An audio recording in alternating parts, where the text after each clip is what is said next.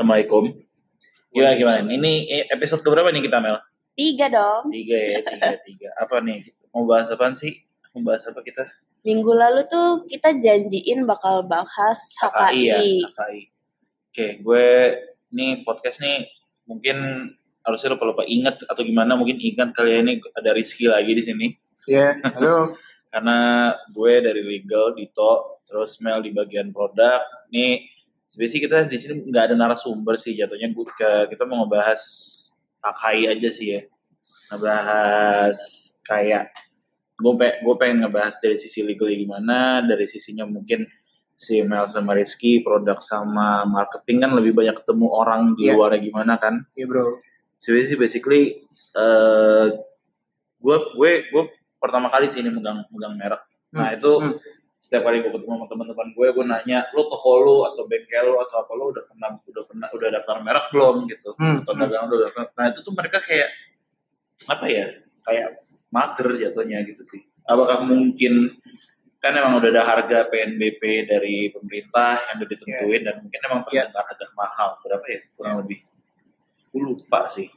Mungkin kalau eh, menurut gue ya dari Hmm. hasil eh, Eh, lo kan lo sering lo sering ketemu orang nih kan Iya. di event-event setiap acaranya KH kan lo ya muncul tuh. Nah itu kira-kira kenapa tuh mereka biasanya? Iya, kalau dari hasil survei pribadi gua, eh, peserta event mungkin ini ya, awalnya belum aware sama merek dagang. Hmm. Belum aware-nya itu kalau bisa di define apa sih eh, merek dagang itu, Hmm. terus gimana regulasinya dan berapa biayanya. Hmm. Kayak misalkan gini sih, gua gitu, gua waktu itu eh, sempet tuh punya brand Hmm. gue bingung, gue bingung cara ngedaftarinnya dan berapa harganya. Hmm. Ini brand lo yang ada di Instagram lo itu ya? Iya, gue gak maksud ini ya, oh, promosi boleh, ya. nggak boleh, nggak boleh Boleh ya. promosi, iya, iya, iya. Jadi gue sempet bingung. Itu FNB, FNB ya? way. Nah, itu juga lagi rame banget kan sekarang. Iya. Orang pada punya punya usaha Nah. kopi lah, Nah. apalah segala macam. Nah, benar, benar, benar, benar.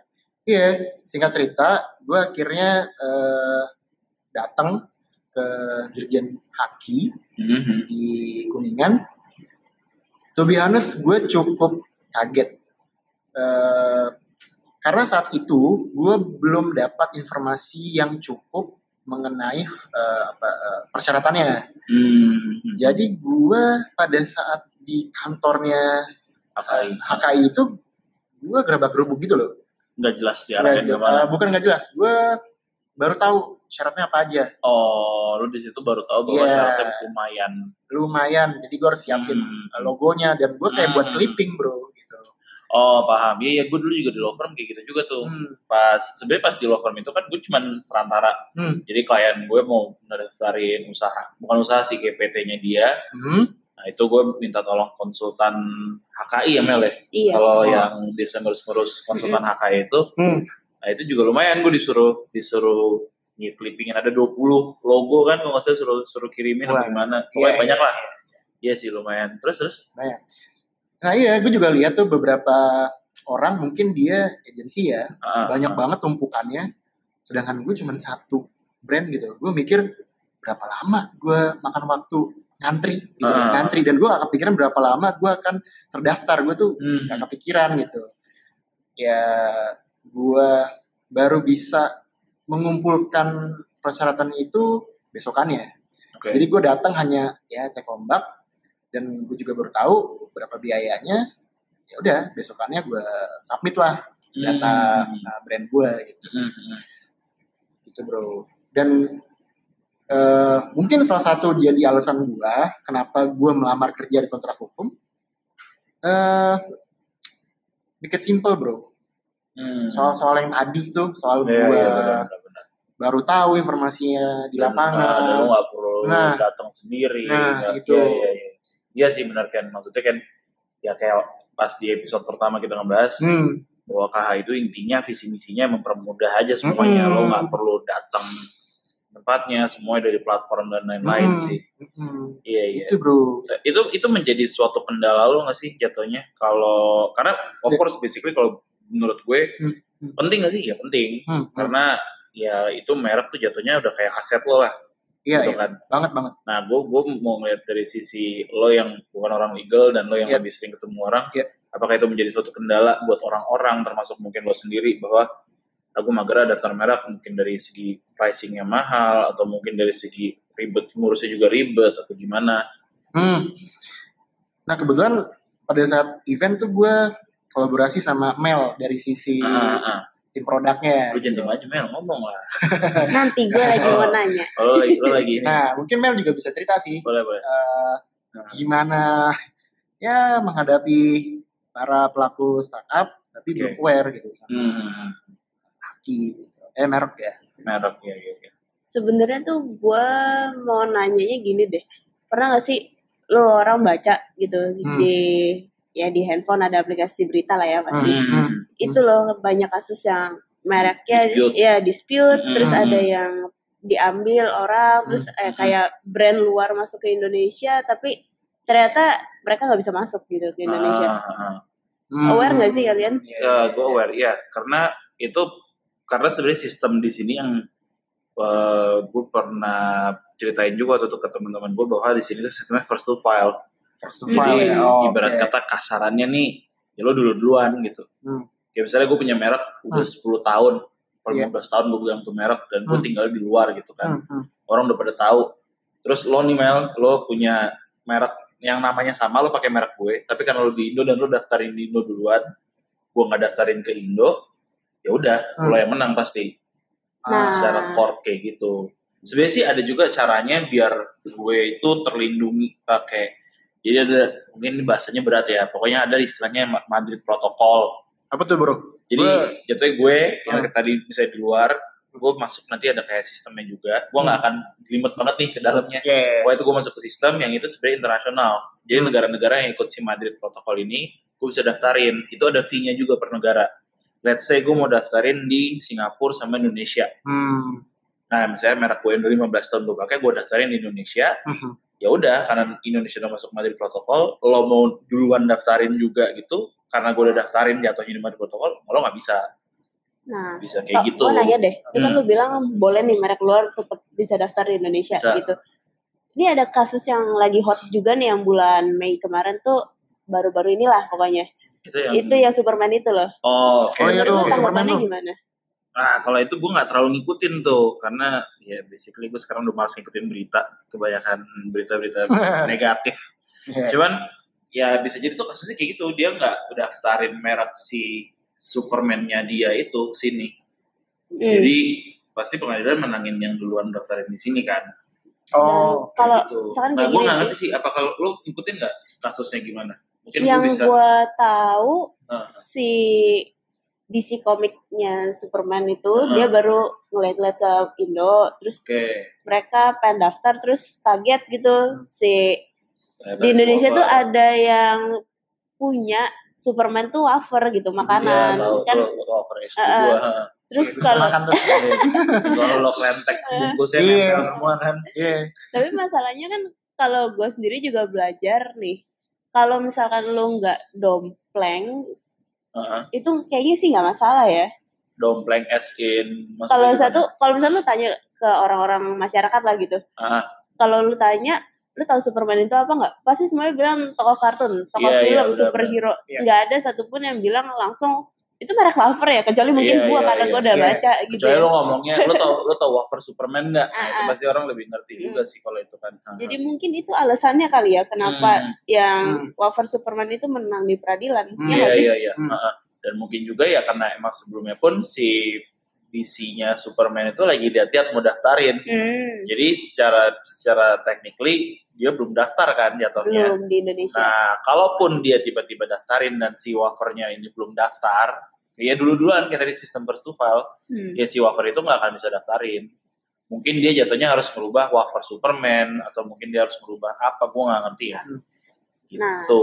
lanjut jadi Hmm. dua hari lalu gue tuh bikin polling di Twitter Oke. sebenarnya merek tuh penting atau enggak Hmm, gitu loh. hmm. Gue pengen tahu sih tanggapan dari kalian apa karena dari hasil pollingnya itu ya 50-50 gitu loh. Jadi ada yang Oh. bilang penting, terus ada yang bilang juga aduh mahal. Nah itu menurut kalian gimana Nah, tanggapannya? Oke, kalau dari sisi gue sebenarnya gini, mungkin lo sering ketemu ya Ki ya Hmm. orang-orang Ya. pasti kayak ah mahal lah gitu-gitu gitu Ya.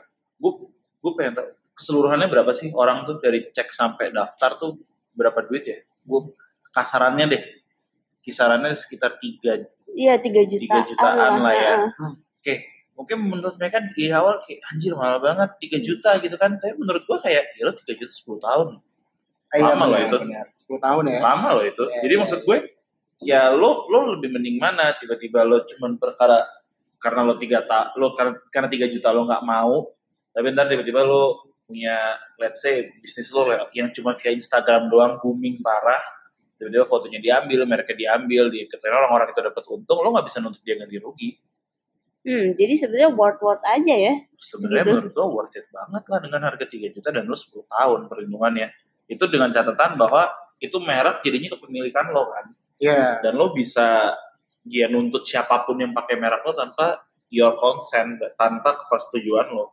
Hmm. jadi lo misalnya katakan lo dirugikan kayak orang itu jualan pakai merek lo gitu lo bisa minta ganti rugi ya udah lo gue minta untungnya yang lo dapet dengan catatan ini gue yang punya merek gitu Dan gue udah kalau terdaftar menurut gua bahkan kalau lu udah punya mereknya sendiri lu franchisein pun nggak masalah ya. Nah itu dia jatuhnya ya Hmm. lo 3 juta mungkin itu jadi mungkin venture lo ke depan ke mana-mana lo bisa Hmm. buka cabang Iya. orang franchise itu lo kan gak ada yang tahu emang mungkin di awal ter- terlihat kayak 3 juta mahal gitu kan ya even mungkin buat beberapa orang kayak anjir itu mungkin se- segaji gue apa mungkin tuh income gue aja nggak dapet segitu Hmm. gitu ya ya harus diusahakan menurut gue ya karena maksud gue daripada ntar ke depannya pas gede nggak ada yang Hmm. tahu kan rugi gitu. Iya.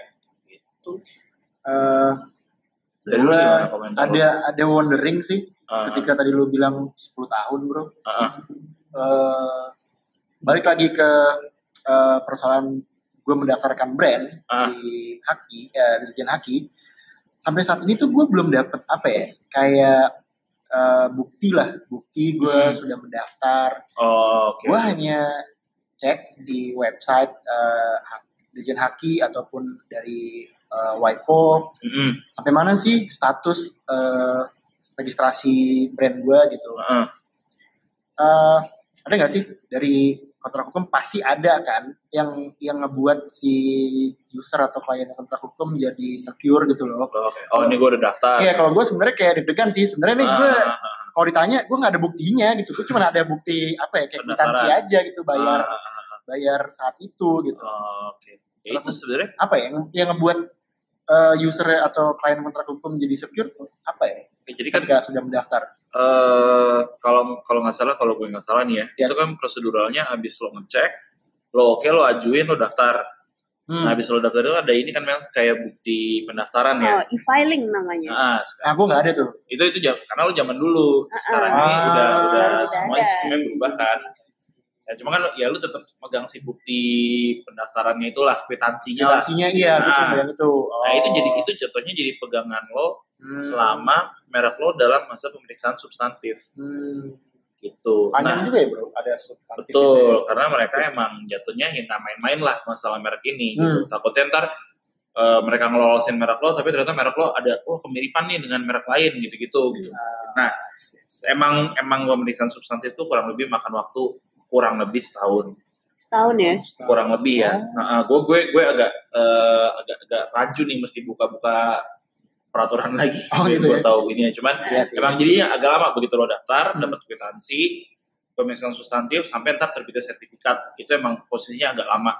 Tapi begitu lo udah dapat bukti pendaftaran itu, yaitu merek lo udah nggak bisa diapa-apain lagi. Jatuhnya Hmm. selama pemeriksaan itu nggak boleh ada yang, eh gue, gue mau pakai merek Rizky nih gitu. Ya nggak bisa, ini Hmm. lagi dalam pemeriksaan substantif gitu. Hmm. Jadi mungkin lo ngerasa insecure karena kayak, "Eh, ini gue bisa nggak sih gitu kan. Tapi secara nggak langsung itu bukti pendaftaran lo itu udah ngelindungin lo juga Hmm. gitu. Oke, sekarang gua Nice. mau balik ke sobat KH nih. Gua kemarin juga sempat nanya-nanya di Instagram. Heeh.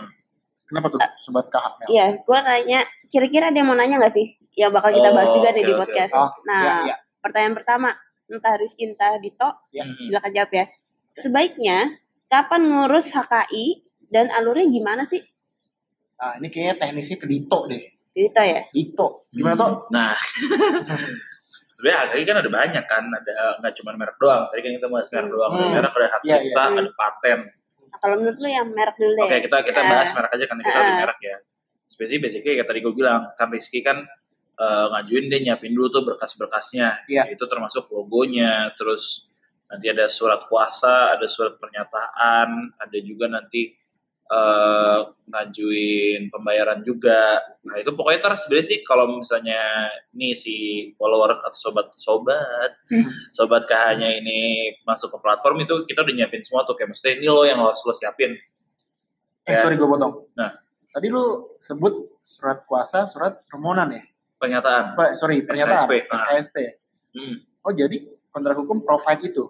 Enggak, eh, jatuhnya konsultan Mhm. rekanan kita itu nanti ngupload tuh. Hmm. Jadi jatuhnya saya lo nih lo lo katakanlah lo ngurus merek lo lewat KH. Iya. Oke, eh, udah udah eh, merek lo bisa nih didaftarin, Hmm. nggak nggak bentrok sama orang. Hmm. Ya udah ntar SKSP-nya surat kuasa dan surat pernyataan itu lo mengkuasakan si konsultannya oh. untuk ngurus ke HKI gitu. Soalnya gue belum dapet bro. Mungkin karena gue jadul Karena- kali ya, dan- versi dan jadul. juga kali lo ngurus sendiri.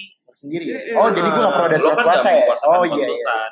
Mungkin ada plus minusnya ya lo langsung info sendiri dan mungkin kalau misalnya sama konsultan mereka lebih tahu seluk beluknya HKI. Oh iya, iya. Dan Gitu. kalau dari gue sendiri sih, Ya. ini kan kalau misalnya kita via eh, online ya berarti ya. Hmm. Dan mungkin yang sobat KH perlu tahu sebenarnya yang paling gampang itu apalagi kalau perorangan ya, Hmm. itu cuma butuh KTP doang sih sama logonya aja. Logo Iya. atau nama Sama mereknya lah. NPWP juga kalau nggak salah. NPWP Eh, itu sebenarnya sekarang udah nggak perlu Udah sih. perlu ya sekarang ya? Cuman kalau Oh. emang mau dilampirkan Nggak ya nggak apa-apa. nggak Eh, eh. Tunggu deh Mel. Gue, sorry motong lagi ya. Tadi gue dito gue potong. Lu gue potong?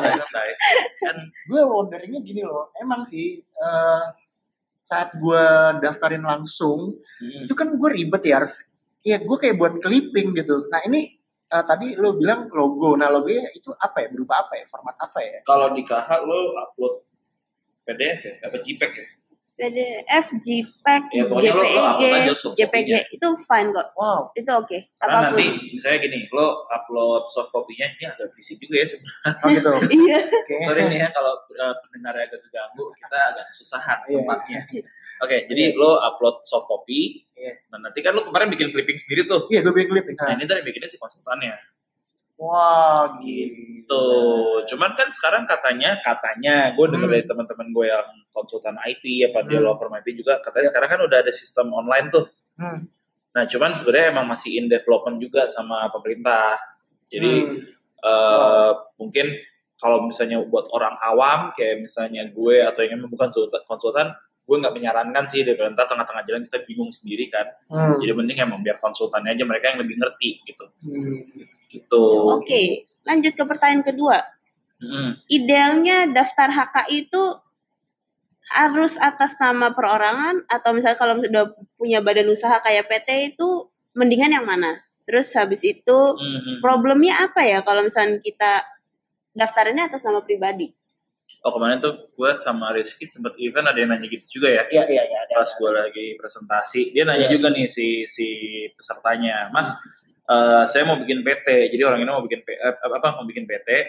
Terus dia nanya mereknya ini mending daftarinnya eh, atas nama saya atau atas nama PT. Hmm. Tapi dia bukan merek ya itu ya. Eh, codingnya ya. codingnya.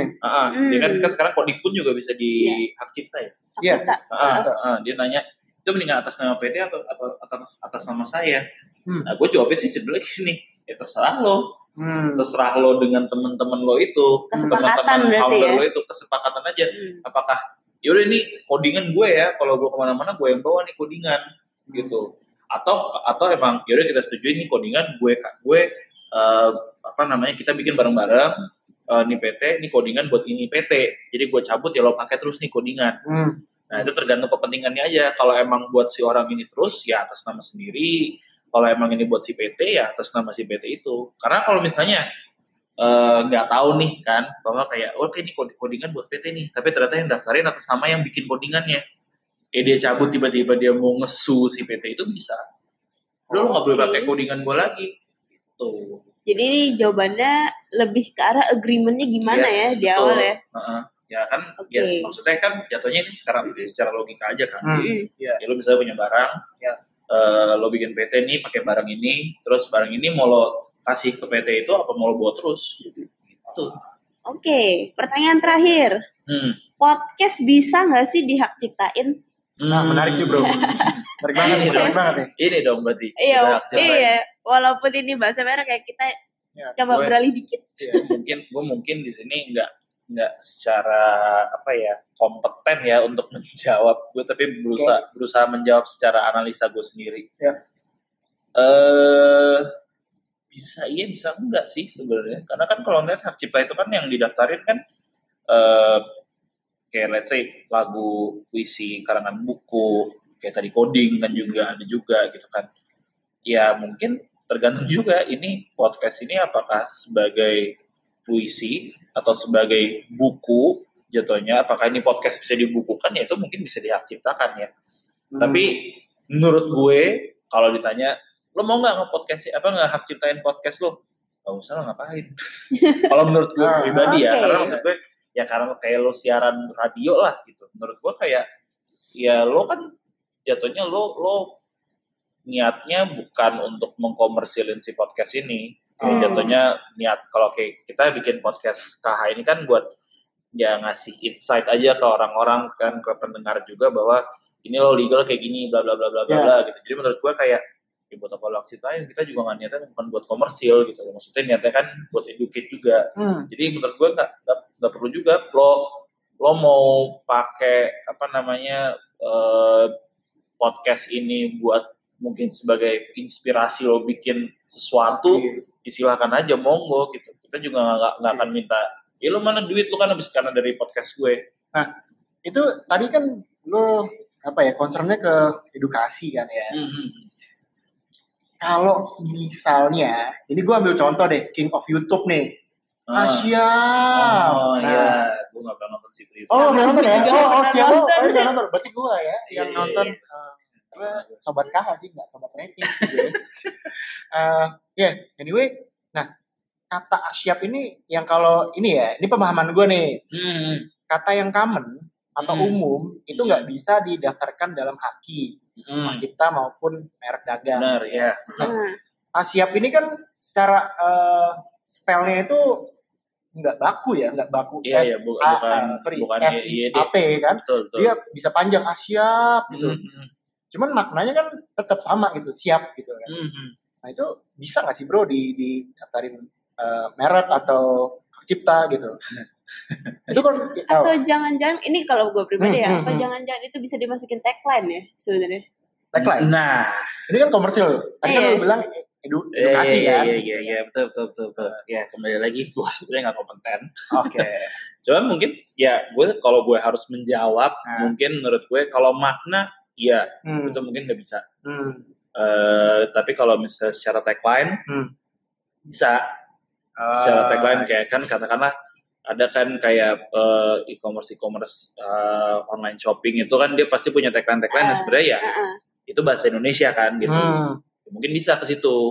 Jadi Oh. daftarinnya merek ya, Mel ya? Jatuhnya Heeh, ya. merek atas ya. tagline Hmm, atau juga atas mungkin tagline. kalau misalnya kita tadi kan kayak ada bunyinya gitu Iya, juga iya. Asia Ah. gitu kan. Nah, Nah, itu itu bisa mungkin juga bisa merek. juga jadi jingle kali. Jingle. Oh, itu juga Karena di merek. kan si merek itu kan nggak cuma logo doang. Suara juga bisa. Logo, suara, 3D, hologram, Mm.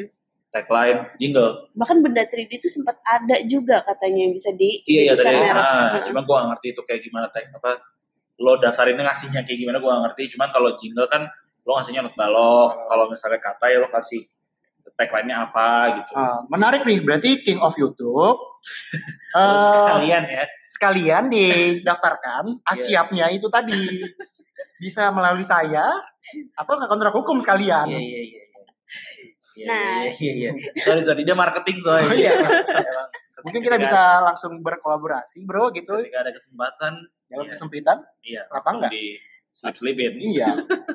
Nah, buat sobat KH yang lain, kalau misalkan mau tanya-tanya, boleh ya langsung ke @kontrakhukum di Hmm. Twitter sama Instagram kita nanti. Kita akan bahas lagi di podcast episode keempat. Empat apa nih? Kita bahas apa? Maunya apa ya anaknya sobat KH? belum tahu ya. iya, belum tahu. Nanti Iya, kita polling lagi ya. Kasih masukan lah. Kalau nggak kasih masukan ya bikin sendiri. Ya, Cuman Apa? ya kalau misalnya ada beberapa dari kalian yang mungkin kayak gue pengen ngebahas eh, bangun PT gimana atau mungkin kontrak drafting itu perlu apa enggak ya Hmm. monggo gitu. Maksudnya kita bikin podcast Hmm. berdasarkan keperluan kalian juga. Hmm. Tapi kalau misalnya sepi ya sedih juga sih kalau sepi Iya. ya. Berarti kita nggak kurang booming nih Mel kan. Tapi ya kalau sepi ya mungkin kita akan berusaha mencari eh, apa sih isu-isu yang lagi rame sekarang gitu. Hmm. Udah nih. Udah dong. Bacot bacotnya baik juga gitu ya 20 Wih, 25 panjang juga, menit. panjang juga. Ya wes kalau gitu terima kasih ya yang udah mau membuang waktunya 25 menit dengerin kita.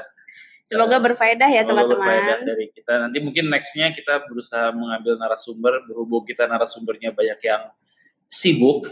Jadi kita membuat podcastnya eh, internal kita. Nanti nextnya mungkin kita mau manggil eh, Chief Legal Officer ya, Hmm, boleh juga. Mbak Grace kami yang amat Mm-mm. sangat ber, berbanyak ilmunya itu. Eh, mungkin ada pertanyaan-pertanyaan yang mau leb- karena kayak tadi gue bilang gue nggak terlalu kompeten karena gue masih masa harus banyak yang harus belajar. Mbak Grace mungkin lebih kompeten untuk menjawab Hmm. begitu. Ya. Oke, okay, Rizky ada yang mau disampaikan lagi? Eh, kalau gue ya king of YouTube jangan lupa. Oh lagi lagi. Oh, iya. Asyapnya itu ya. Lagi, lagi, lagi. Yang ini. Oke gitu aja. Yes, gitu. Oke, Thank terima you. kasih semuanya.